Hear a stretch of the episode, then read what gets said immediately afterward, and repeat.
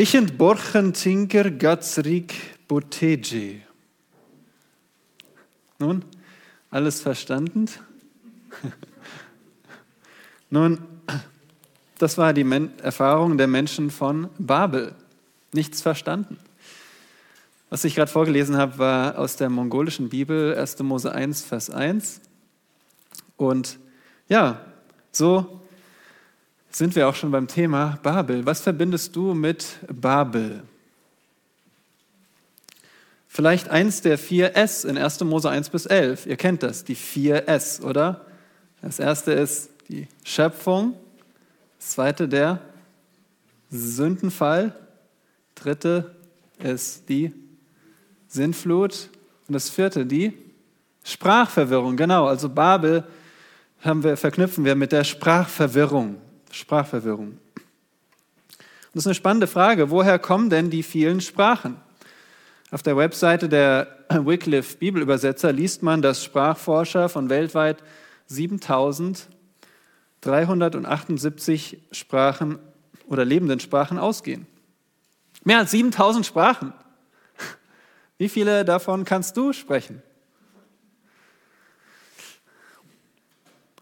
Nun, immerhin gibt es einige Sprachen, die von sehr vielen Menschen gesprochen werden. Ratet mal, welche Sprache wird von den meisten Menschen auf der Welt gesprochen? Das ist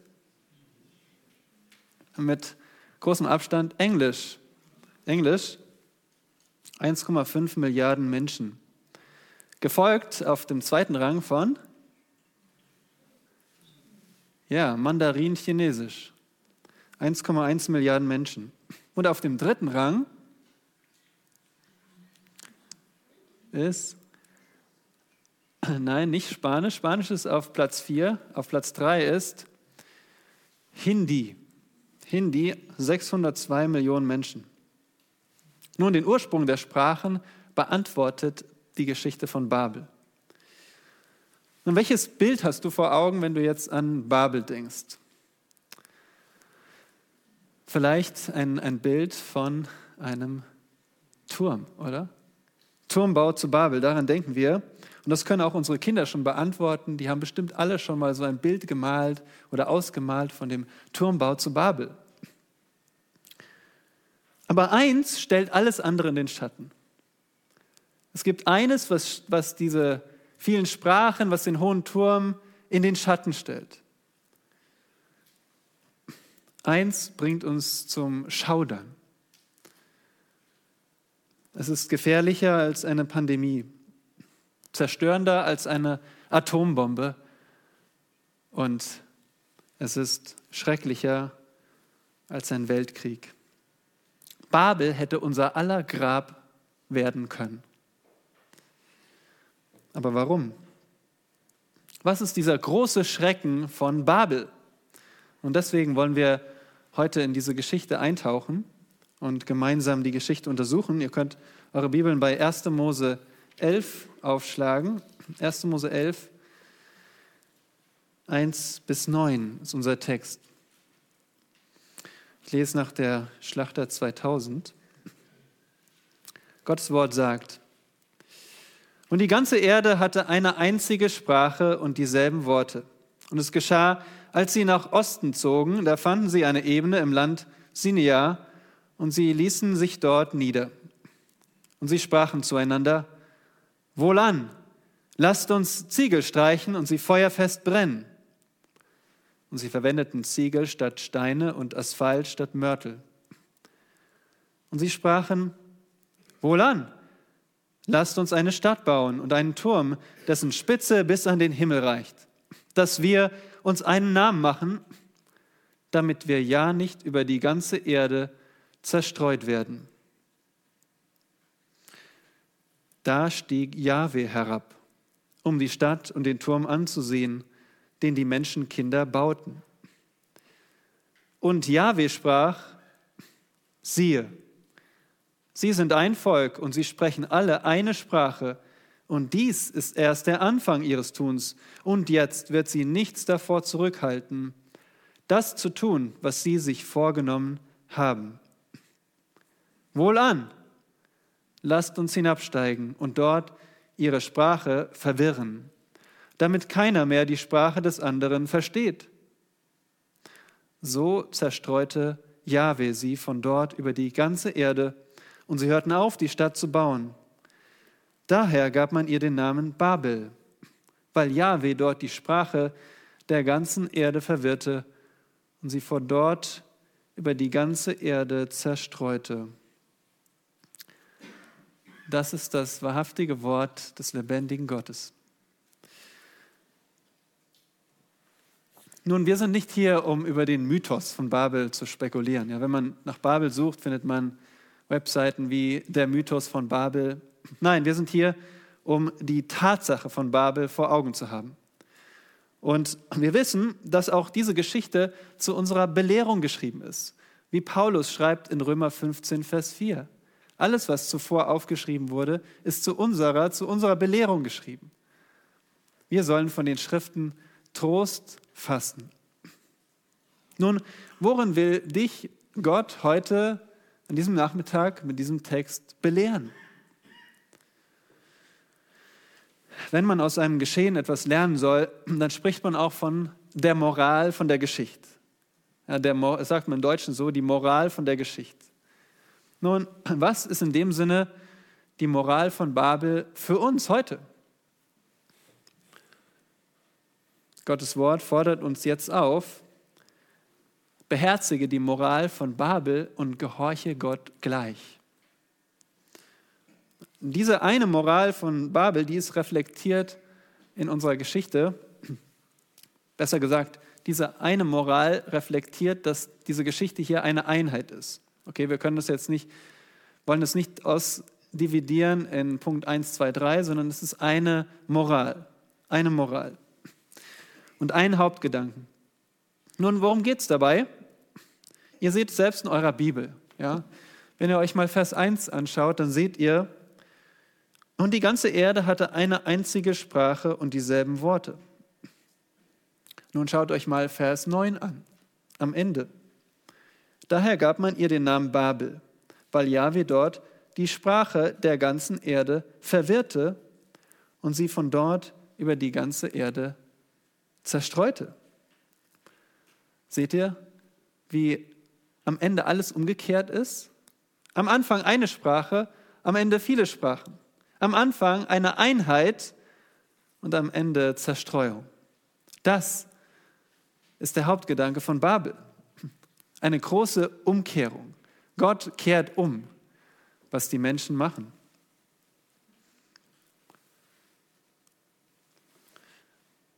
Und was umgekehrt wird, das drückt auch unser Merksatz aus. Unser Merksatz, der zwei Teile hat. Nun, was ist die erste Hälfte der Moral? Ihr seht es in eurem Gemeindeblatt. Der erste Teil ist, wirst du Gott im Trotz widerstehen? Ja, dieser Satz ist nur zur Hälfte fertig. Es ist nur, nur zur Hälfte die Moral. Und was die Menschen in Babel tun, das ist auch nur die Hälfte der Geschichte. Das ist nur die erste Hälfte. Und auf den Punkt gebracht zeigen sie uns, diese Menschen, sie zeigen uns ihren Trotz gegen Gott ihren Trotz gegen Gott.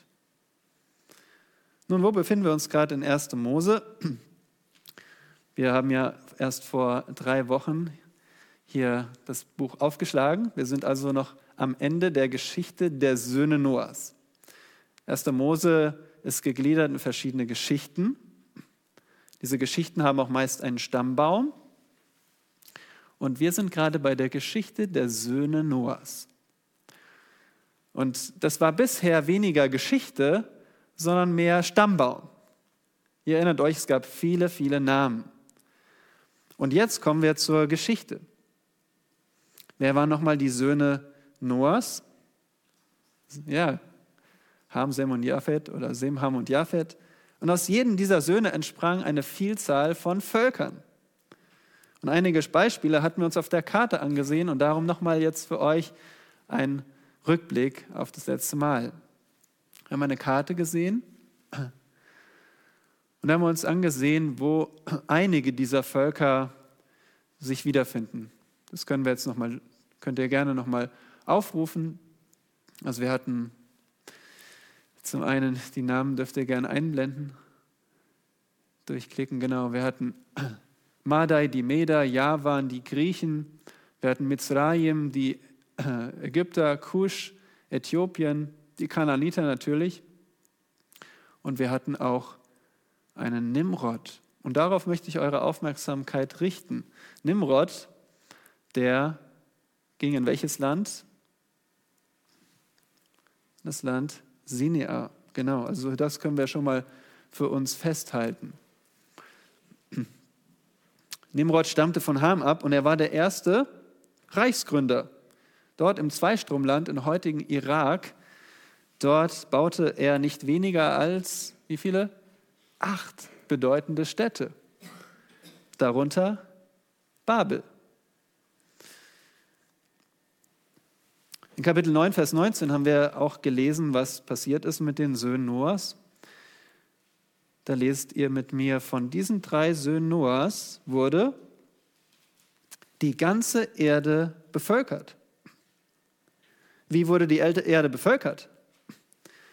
Nun schauen wir in Vers 5 zum Beispiel in Kapitel 10. Von diesen haben sich auf die Gebiete der Heiden verteilt, in ihre Länder, jeder nach seiner Sprache, in ihre Völkerschaften, jeder nach seiner Sippe. Auch in Vers 10, in Kapitel 10, Vers 10 lesen wir von, nicht in 10, Vers 10, sondern später in 10, Vers 20, das sind die Söhne Hams nach ihren Sippen und Sprachen. Aber seit wann gibt es denn Sprachen? Ist die Frage. Nun genau deswegen haben wir jetzt heute Kapitel 11 an der Reihe. Im letzten Predigtext hatten wir auch einen kleinen, unscheinbaren Hinweis darauf gesehen. Wisst ihr noch? In Kapitel 10, Vers 25. Was steht da? und Heber wurden zwei Söhne geboren. Der Name des einen war Peleg, denn in seinen Tagen wurde die Erde geteilt. In seinen Tagen wurde die Erde geteilt. Wie wurde denn die Erde geteilt? Und die Antwort finden wir jetzt in Kapitel 11. Die Erde wurde geteilt genau durch diese Sprachverwirrung. Aber Warum kommt denn jetzt Kapitel 11 nach 10, wenn das doch eigentlich zeitlich gesehen früher passiert? Nun, ihr erinnert euch, warum hatten wir gesagt, hat der Autor das so angeordnet? Warum zeigt er uns erst die Völker und dann erst den negativen Beigeschmack? Nun, er hat uns gezeigt, dass die Völker Gottes Idee sind.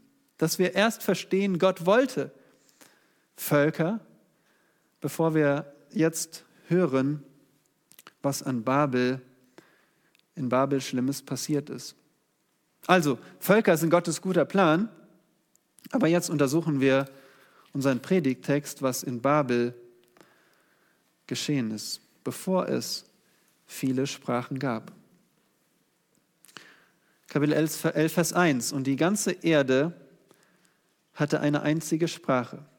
Was ist die ganze Erde? Nun, da müssen wir nur einen Vers vorher schauen, in Kapitel 10, Vers 32.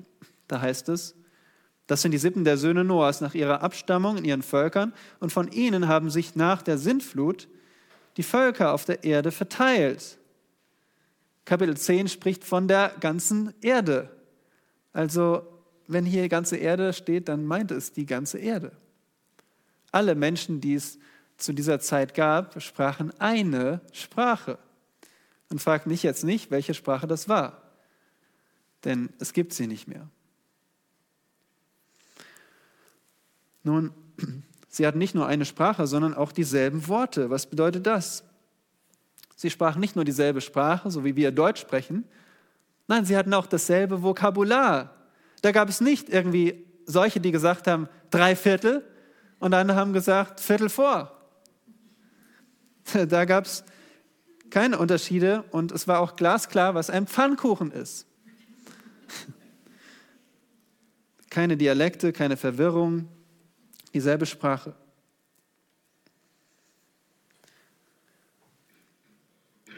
Und damals hat diese Sprache die Menschen vereint. Sprachen vereinen. Wenn man, wenn man sich nicht versteht, das hat man irgendwie sofort, es ist schwierig. ja, so in der Welt. Und man sitzt eben zusammen mit denen, mit denen man sich versteht, mit denen man sprechen kann, sich unterhalten kann. Und wenn man sich nicht verständigen kann, dann ist man mir gleich außen vor. Und so müsst ihr euch vorstellen, diese Menschen waren wirklich vereint. Sie konnten ihre Vorstellungen, ihre Meinung, ihre Wünsche, ihre Gefühle alle auf dieselbe Weise ausdrücken. Und das hat sie verbunden. Das hat sie geeint. Und was tun die Menschen mit dieser Einheit? Es geht los in Vers 2. Und es geschah, als sie nach Osten zogen. Nun, wir haben mehrere Fragen gleich. Wer sind sie? Wer sind sie?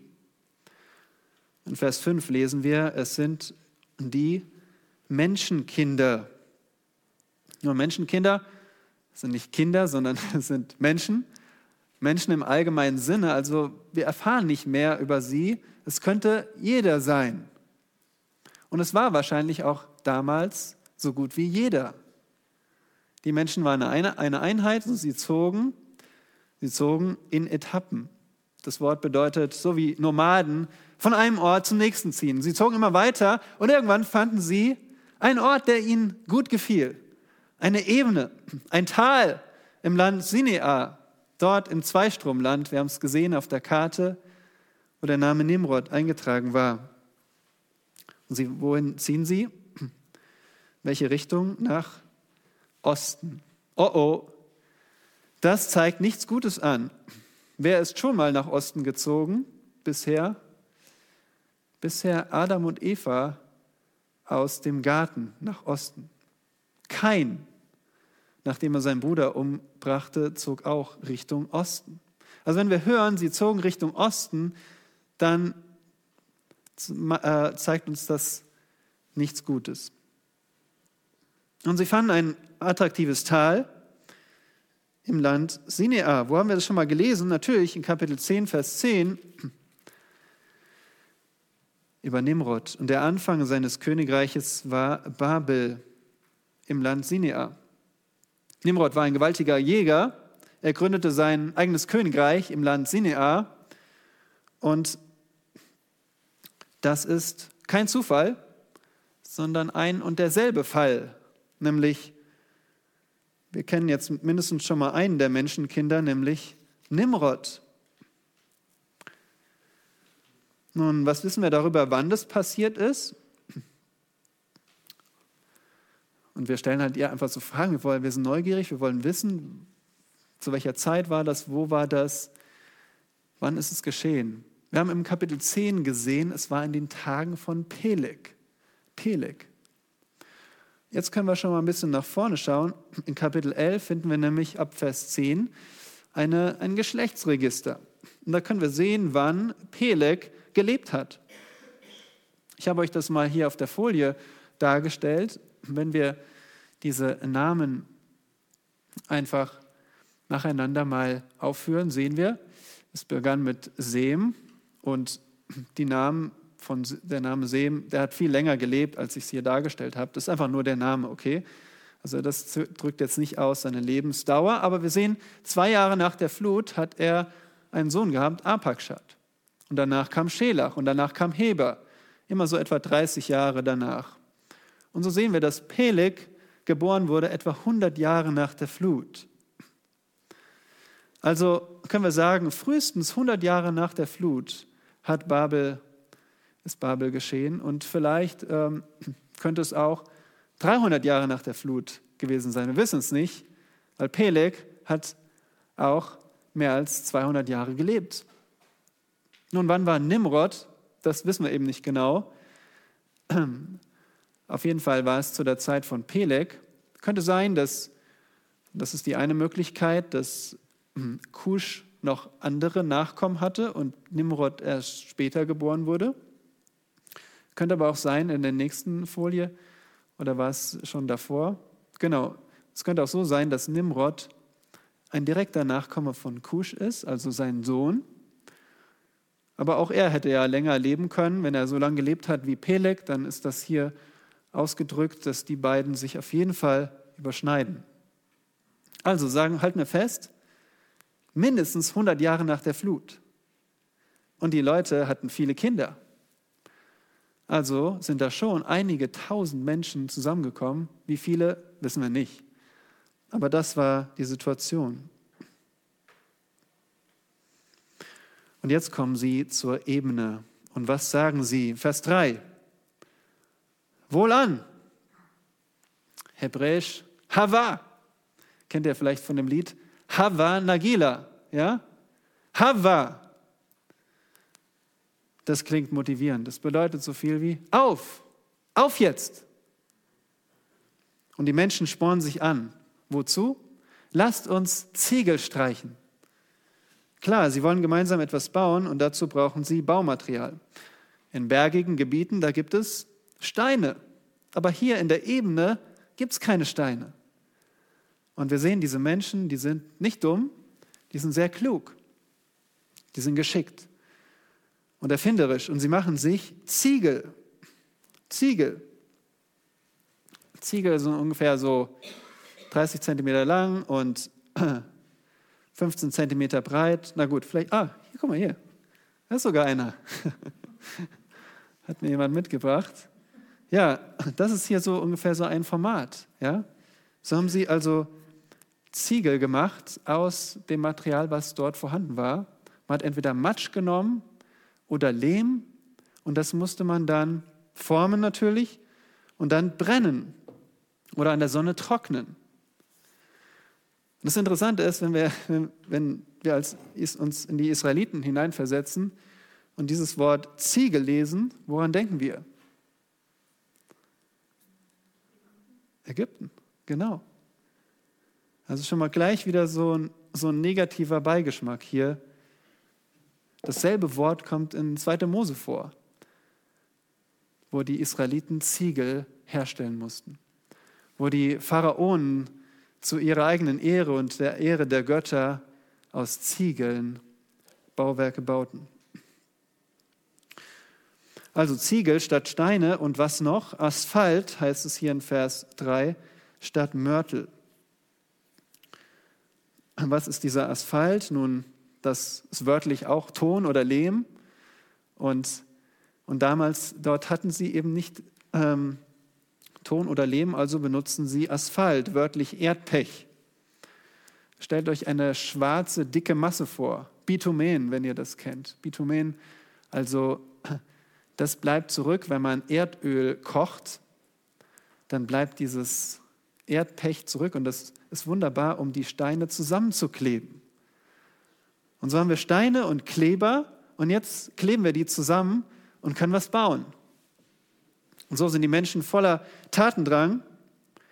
Und wörtlich sagen sie sogar, wohlan, lasst uns Ziegel ziegeln und lasst uns, lasst sie uns zu gebranntem brennen. Versteht ihr? Diese Wortspiele. Ich habe mich gefragt, ja, was, was hat es uns zu sagen? Lasst uns Ziegel ziegeln. Manche sagen, ähm, das drückt aus, dass sie wirklich total intensiv bei der Sache waren.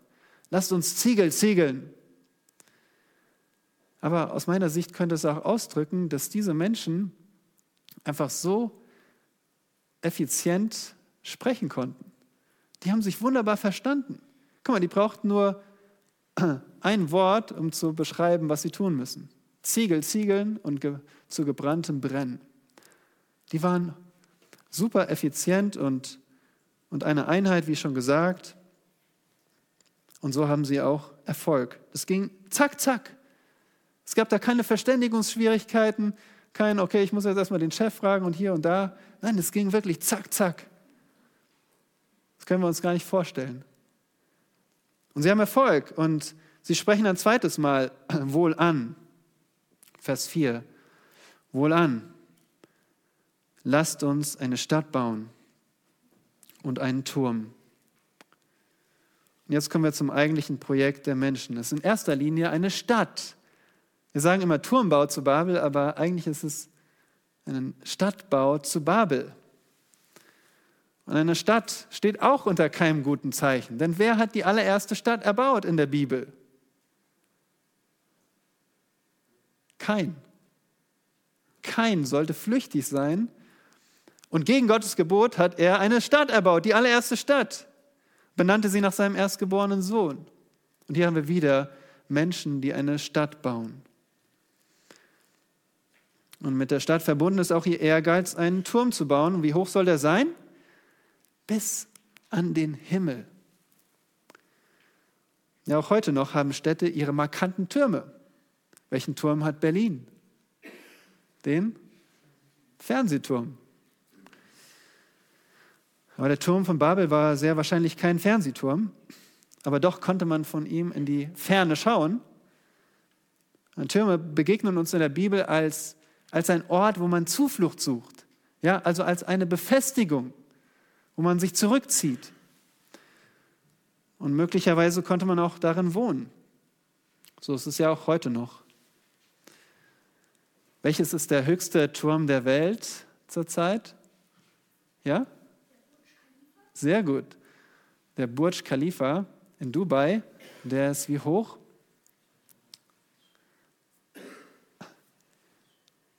Achthundertachtundzwanzig Meter hat 163 Etagen. Also auch da kann man drin wohnen in dem Sinne. Sehr ähnlich.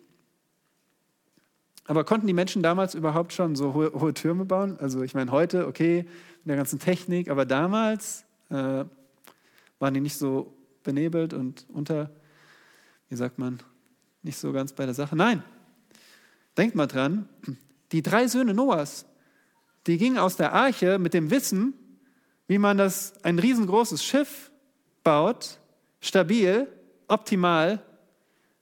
Und dieses Wissen hatten die Menschen. Sowas konnten sie machen. Und bis heute stehen noch aus Ziegeln gebaute Stufentempel im Irak und Iran herum. Zum Beispiel in Ur, in der Stadt Ur, gibt es einen 4000 Jahre alten Stufentempel, gebaut aus, ratet mal, Ziegeln und Erdpech. Steht immer noch. Ist nicht der Turmbau zu Babel, aber so sehen wir, die Menschen konnten das. Und die Menschen konnten auch hochbauen. Und sie wollten hochbauen, nämlich wohin? Bis an den Himmel. Ich habe es vorhin auf Mongolisch vorgelesen. Im Anfang schuf Gott Himmel und Erde. Und doch bringt sich Gott immer wieder mit dem Himmel in Verbindung. Auch in 1. Mose sehen wir, Gott ruft vom Himmel her. Gott ist der Gott des Himmels. Und in 5. Mose 26, 15 äh, lesen wir, Gottes Wohnung ist der Himmel. Versteht ihr? Wenn die Menschen jetzt sagen, wir wollen einen Turm bis an den Himmel bauen, dann übersteigen sie ihre Grenze. Gott hat den Menschen die Erde gegeben. Und einen Turm bis an den Himmel zu bauen, bedeutet nicht unbedingt, eine bessere Beziehung zum Schöpfer zu suchen. Nein, wir wissen auch ganz genau, was die Menschen beabsichtigen. Fast schon einzigartig, dass wir hier so einen Vers 4 haben, wo uns genau gesagt wird, was die Absicht der Menschen war. Schaut mal mit mir auf diese zweifache Absicht. Die erste Absicht, dass wir uns einen Namen machen. Und der Name steht für das Wesen, für den Charakter. Ja? Der Name ist nicht nur, okay, jetzt weiß ich, wie ich dich rufen soll, sondern der Name steht für den Charakter. Dass wir uns einen Namen machen. Nun, wer gab dem Menschen seinen Namen?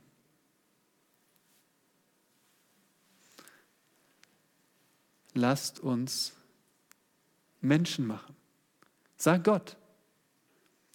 Der Mensch darf fast allem anderen den Namen geben, aber seinen eigenen Namen bekommt er von Gott. Gott bestimmt, wer der Mensch ist. Und doch wollen die Menschen an den Himmel und ihre Grenzen durchbrechen. Versteht ihr? Sie wollen hier sein wie Gott. Sie wollen sein wie Gott. Und sie verehren nicht Gott, sondern sie bauen den Turm zu ihrer eigenen Ehre, zu ihrem eigenen Ruhm. Die zweite Absicht sehen wir in Vers 4, damit wir ja nicht über die ganze Erde zerstreut werden. Und hier hören wir ihre Angst sprechen. Nur ja nicht zerstreut werden. Nur ja nicht zerstreut werden. Wer wollte denn, dass sie zerstreut werden? Nun, Gott wollte es. In Kapitel 9, Vers 1 sehen wir das. Gott sprach, seid fruchtbar und mehrt euch und erfüllt die Erde. Und dann nochmal in Vers 7, ihr aber seid fruchtbar und mehrt euch und breitet euch aus auf der Erde, dass ihr zahlreich werdet darauf. Gott sagt, verteilt euch als mein Ebenbild auf der ganzen Erde. Und die Menschen sagen, wir wissen es besser. Wir bauen hier eine Stadt für uns alle. Hier sind wir sicher, hier schreiben wir Geschichte. Wo sind wir hier angekommen? Zurück im Garten Eden. Nicht im Paradies, aber beim Sündenfall. Das ist der Kern der Sünde im Garten Eden. Und das ist seitdem der Kern der Sünde. Ich habe meinen eigenen Willen. Ich weiß es besser als Gott. Ich bestimme selbst, wer ich bin. Wir brauchen keinen Gott. Gott sagt, geh, und die Menschen sagen geschlossen, nö. Und das ist zerstörender als Pandemie, Atombombe und Weltkrieg und alles andere. Trotz gegen Gott. Und wir alle sind getroffen, weil jeder von uns hat so schon mal gedacht und gehandelt. Nicht dein Wille, Gott, sondern mein Wille. Sehen wir, wie abscheulich, anmaßend das ist? Ihr jungen Leute, die ihr schon so groß seid, bei uns in der Predigt auch zu sitzen. Ich möchte zu euch sprechen, liebe jungen Leute. Ihr kennt das unter euren Gleichaltrigen in der Schule. Was wünschen sich junge Leute? Sie wünschen sich eigentlich zwei Dinge, so wie die Leute von Babel. Sie wollen dazugehören und sie wollen jemand sein. Dazugehören und jemand sein. Genau wie in Babel. Überleg du mal, warum du tust, was du tust. Willst du unbedingt zu den anderen dazugehören?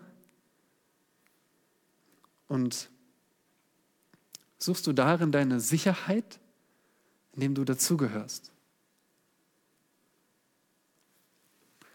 Und hast du es, ein Niemand zu sein? Und willst du darum was, was Erstaunliches erreichen, damit du jemand bist und darin Sicherheit hast? Aber genau das ist ein Fallstrick. Und liebe Eltern, bitte lehrt eure Kinder lehrt eure Kinder, dass die Sicherheit nur bei Gott zu finden ist. So wie David es gesagt hat. Er sagt, Gott, du bist mein starker Turm. Bei dir suche ich Zuflucht. Bei dir bin ich in Sicherheit.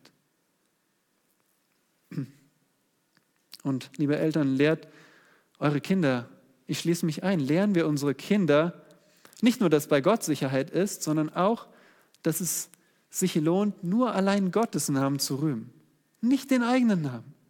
Gottes Name, das sagen die Söhne Koras im Psalm 44, Vers 9. Nur Gottes Name soll gerühmt werden. Bei Gott sind wir, gehören wir dazu, sind wir sicher und bei ihm haben wir einen Namen, den es wirklich sich lohnt zu rühmen. Und ihr Eltern mit großen und, und kleinen Kindern, seid gewarnt vor dem Trotz. Trotz ist so gefährlich, wenn Kinder trotzig sind. Wenn sie trotzen nicht nur den Eltern, sie trotzen Gott. Und ihr könnt nicht gleichgültig bleiben. Wenn eure Kinder trotzig sind, dann tut zuerst das eine, fleht für sie vor Gott. Geht ins Gebet und gebt euren Kindern gottgemäße, der Bibel gemäße Konsequenzen für ihren Trotz. Aber vor allem betrachten wir uns selbst im Spiegel. Darf ich fragen, wo lebst du im Trotz gegen Gott?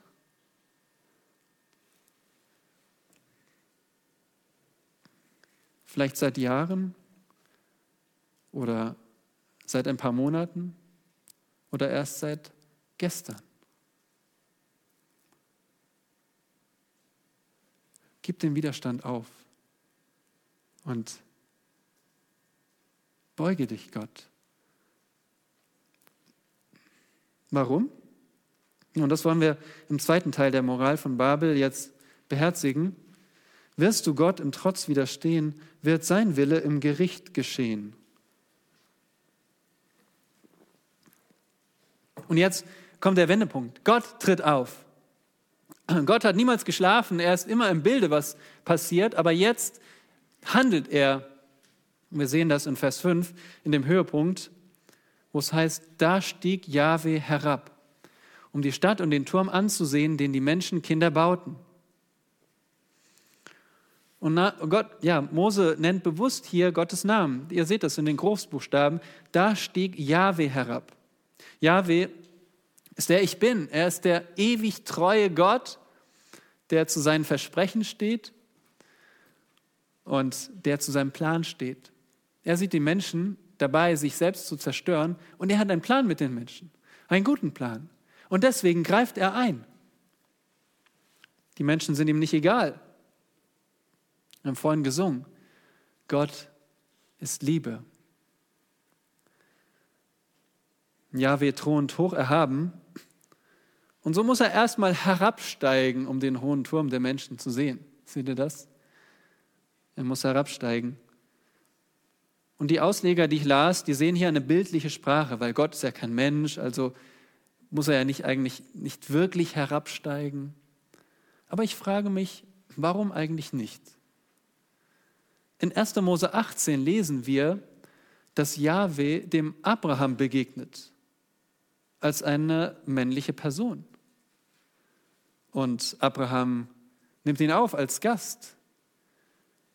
Und Jahwe ist unterwegs zusammen mit Engeln, um sich eine Stadt anzuschauen. Wieder eine Stadt, die gegen ihn rebelliert. Warum eigentlich nicht, dass Gott als Person erschienen ist?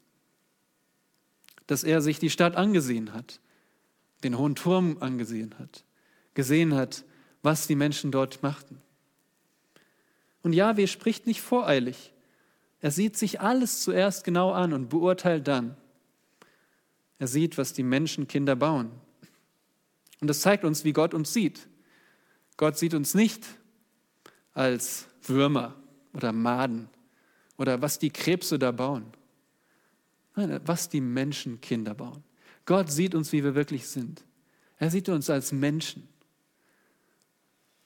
Wenn er uns sieht, wenn er die Menschen draußen sieht, sieht er sie als Menschen.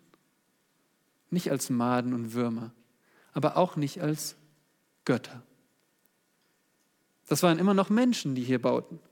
Und so sagt Gott in Vers 6, siehe. Wo sagt Gott schon einmal siehe? Nur im Garten Eden. Siehe, der Mensch ist geworden wie unser einer. So spricht Gott auch hier. Siehe, sie sind ein Volk und sie sprechen alle eine Sprache. Gott sieht hier eine große, einheitliche Gemeinschaft, die verstehen sich super, die ziehen alle am selben Strang und bauen diese Stadt. Was ist daran so schlimm? Nun, das Problem haben wir schon gesehen in Kapitel 8, Vers 21. Auch nach der Sintflut steht hier, das Trachten des menschlichen Herzens ist böse von seiner Jugend an. Versteht ihr? Wir haben hier eine große, eine große Einheit. Die Menschen bauen alle zusammen. Sie bauen für ihren eigenen Ruhm und sie bauen, um sich unabhängig von Gott zu machen. Sie bauen nach ihrem eigenen Willen. Sie wollen, sind trotzig gegen Gottes Willen, sich zu zerstreuen. Und ja, entweder wussten sie es, weil die Söhne Noahs es weiter erzählt haben. Die lebten sogar noch oder sie hätten es wissen müssen. Sie bauen trotzig gegen Gott und sie sind im Herzen böse. Was kann daraus entstehen? Wir können uns das nur ausmalen, aber Gott sieht genau das volle Potenzial des Bösen hier versammelt. Und dürften sie nach ihrem eigenen Sinn weitermachen, da würde sie nichts mehr zurückhalten, sagt Gott. Und jetzt wird sie nichts davor zurückhalten. Das Wort zurückhalten bedeutet wörtlich abzäunen, ummauern. Das heißt, wenn sie jetzt weitermachen, dann gibt es keine Grenze mehr, keinen Zaun mehr. Sie, sie schöpfen das volle Potenzial des Bösen aus. Und darum nimmt Gott das Projekt sehr ernst. Versteht ihr, es geht nicht um Selbstverteidigung. Gott sagt nicht, oh, die sind schon 800 Meter hoch, die sind schon bald bei mir angekommen. Ich müsste jetzt langsam mal was machen, weil sonst kommen die wirklich bei mir an. Dann wird es irgendwie brenzlig für mich. Nein. Gott thront über allen Dingen und er ist überhaupt nicht in Gefahr. Aber die Menschen sind in Gefahr. Die Menschen sind dabei, sich selbst zu zerstören durch das, was sie tun. Und achtet jetzt auf Vers 7, wo Gott beginnt mit Hava. Wohl an. Auf jetzt. Das wievielte Auf jetzt ist das hier? Eins, zwei, drei. Drei. Interessant. Das in Bezug auf Aktivität ist die Zahl der Vollkommenheit. Gott hat hier das letzte Wort. Seine Handlung zählt jetzt. Lasst uns hinabsteigen. Ist Gott nicht schon herabgestiegen? Nun ja, um sich umzusehen.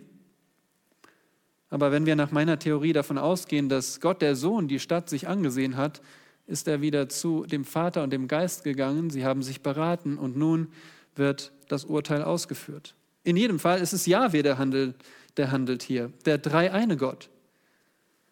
Und er kommt zu den Menschen, um ihre Sprache zu verwirren, damit keiner mehr die Sprache des anderen versteht. Und verwirren bedeutet wörtlich vermischen, so wie man Backzutaten vermischt. Das macht Gott hier. Er vermischt die Sprache. Hier steht also nicht unbedingt, dass Gott auf einmal ihn, dem gebe ich jetzt Englisch, dem gebe ich Französisch, dem gebe ich Spanisch oder so. Nein, er vermischt die Sprache, die schon da ist. Und die Menschen verstehen sich nicht mehr.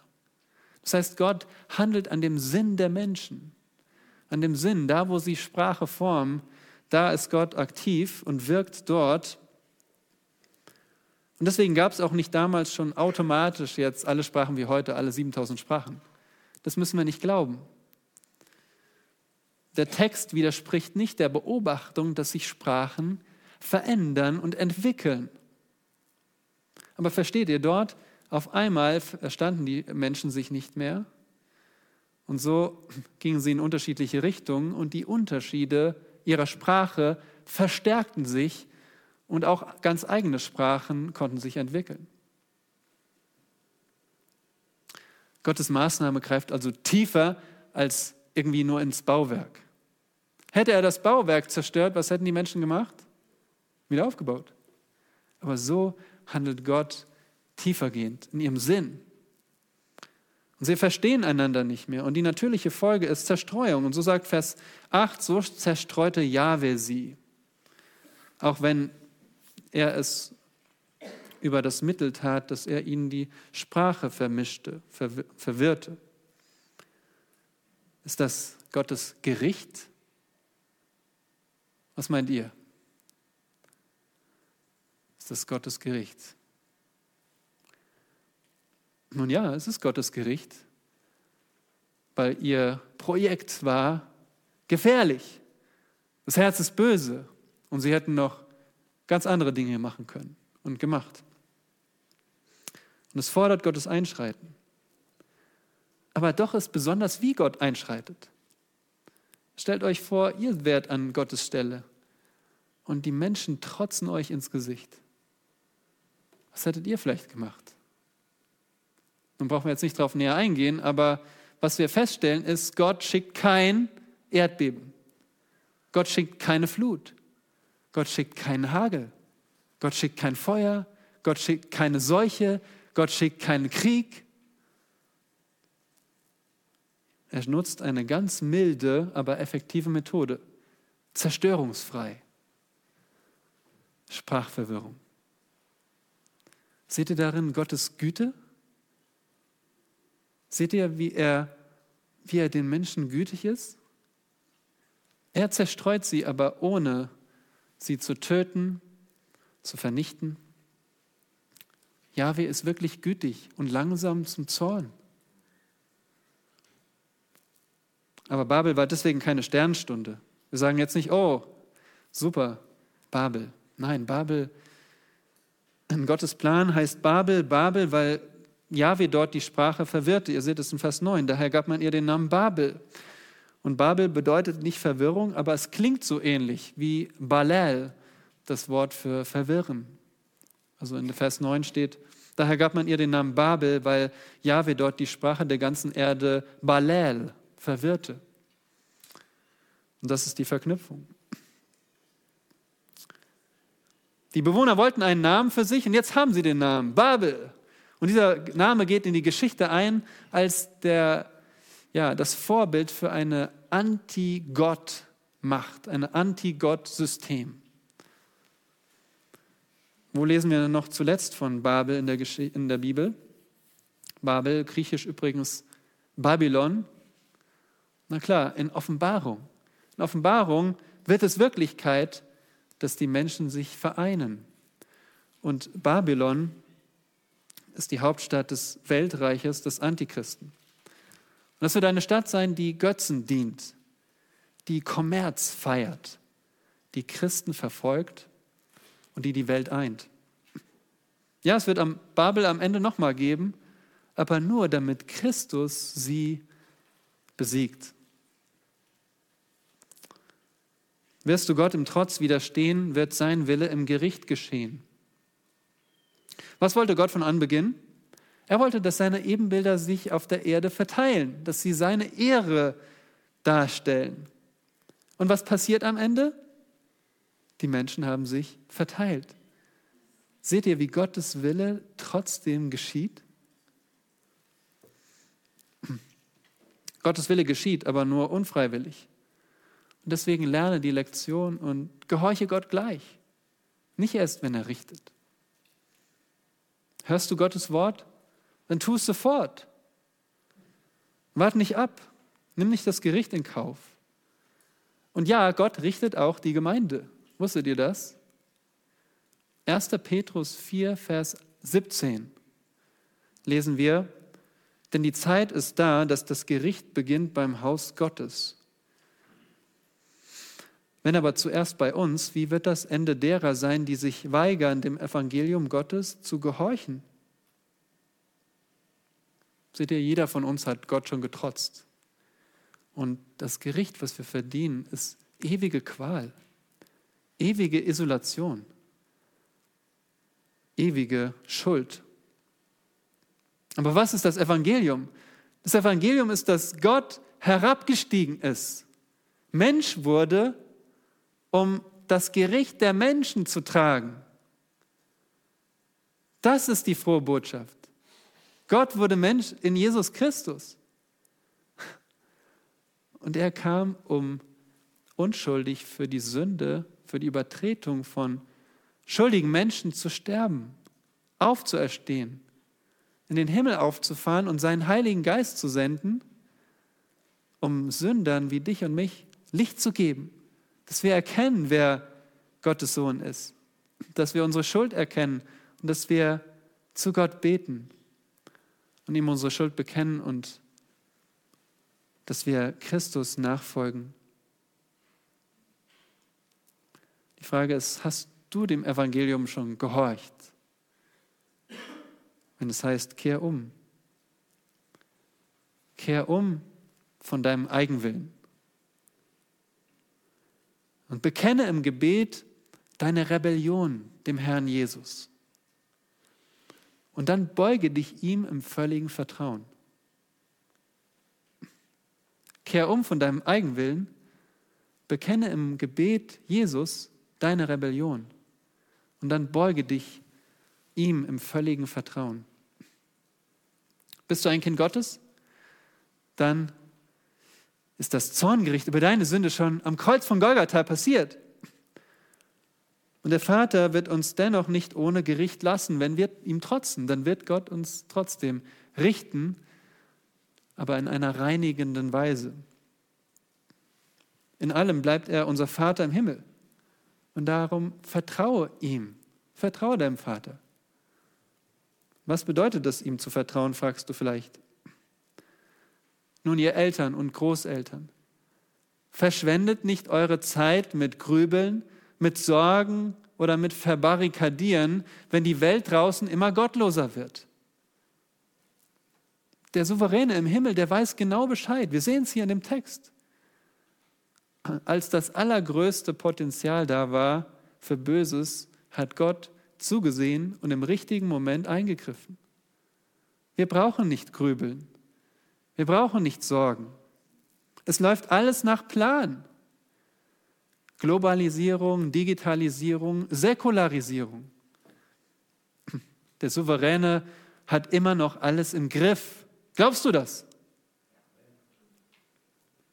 Ja, wir thront über allen Machenschaften und er richtet die Welt in Gerechtigkeit. Kümmern wir uns nicht so sehr um die neuesten Entwicklungen der Welt, kümmern wir uns um den Willen Gottes, dass wir ihn tun. Was ist der Wille Gottes? Wissen wir alle. Unsere Heiligung. Unsere Heiligung. Dass wir den Trotz in unserem Leben abtöten. Dass wir Gott gerne und gleich gehorchen. Wozu? Und das ist wichtig. Jetzt kommen wir dahin. Wozu? Ja. Die, die Menschen von Babel, die haben das getan, da wissen wir ganz genau, wozu sie es getan haben für ihren eigenen Namen und dass sie sich nicht zerstreuen, dass sie Sicherheit haben. Wissen wir genau, was sie wollten. Was wollen wir mit unserem Gehorsam? Nur für Gottes Namen, zu seiner Ehre. Wir wollen ihm gehorchen zu seiner Ehre, damit sein Name erhoben wird, damit seine Ehre in dieser Welt vergrößert wird. Ist das nicht die, die höchste Motivation, Jesus, unserem Retter, zu, zu gehorchen und ihn zu lieben und deswegen zu gehorchen? Nun, was ist noch der Wille Gottes? Gott will, dass alle Menschen gerettet werden. Und dass Jünger Jesu zu allen Nationen gehen und ihnen die frohe Botschaft verkünden, damit sie umkehren und glauben. Sind da nicht die vielen Sprachen ein Hindernis? Ja, auf den ersten Blick macht es das schwieriger. So viele Sprachen. Aber in Gottes Plan ist es besser so, als wenn es nur eine Sprache gäbe. Am Ende vermehren die ganzen Sprachen die Ehre von Jesus Christus. Wie wir letztes Mal geendet sind mit Offenbarung 5, wo es heißt, dass Christus würdig ist, weil er mit seinem Blut für Gott erkauft hat aus allen Stämmen und Sprachen und Völkern und Nationen. Und dann in Kapitel 7, Vers 10, ihm werden die Erlösten zurufen. Das Heil ist bei unserem Gott, der auf dem Thron sitzt und bei dem Lamm. Amen. Lass uns zu dem Herrn im Gebet gehen.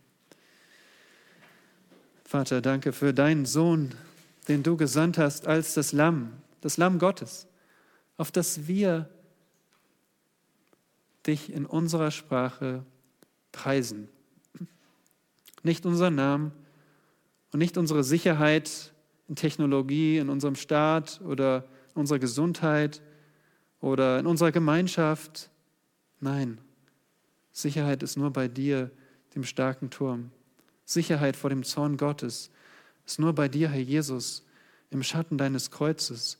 Ja, wenn wir zu dir kommen und uns unsere Sünden bekennen, wie sie wirklich sind und, und wenn wir allein darauf vertrauen, dass du, Herr Jesus, unsere Schuld tragen konntest und es getan hast und dass nur du uns befähigen kannst, so zu sein, wie es dir gefällt, wie es deinem Vater gefällt, dass wir, dass wir gerne gehorchen, dass wir auf dein Wort hören, dass wir uns auch nicht fürchten, zu den Menschen zu gehen und ihnen von Christus zu erzählen. Ach Herr, nicht durch unsere Kraft, durch deine Kraft. Und wir sind so dankbar, dass wir zu deinem Tisch, Herr Jesus, kommen können. Dass wir fröhlich kommen können, wenn wir mit dir vereint sind durch den Glauben. Dass wir uns jetzt freuen können, daran zu denken, was du getan hast, Herr, und das, obwohl du unseren Trotz kanntest. Du kennst die immense Schuld, die wir auf uns geladen haben und, und du hast den Zorn getragen, willentlich. Wir danken dir dafür und bitten dich, dass diese Feier auch jetzt wirklich dir Ehre bringt, dass wir aus Liebe und mit Freude zu deinem Tisch kommen können. Ach Vater, wir bitten dich auch für jeden, den du angesprochen hast, der noch nicht dein Kind ist, dass du durch deinen Geist Augen öffnest und Glauben schenkst und, und Bekehrung zu dir in Sicherheit. Amen.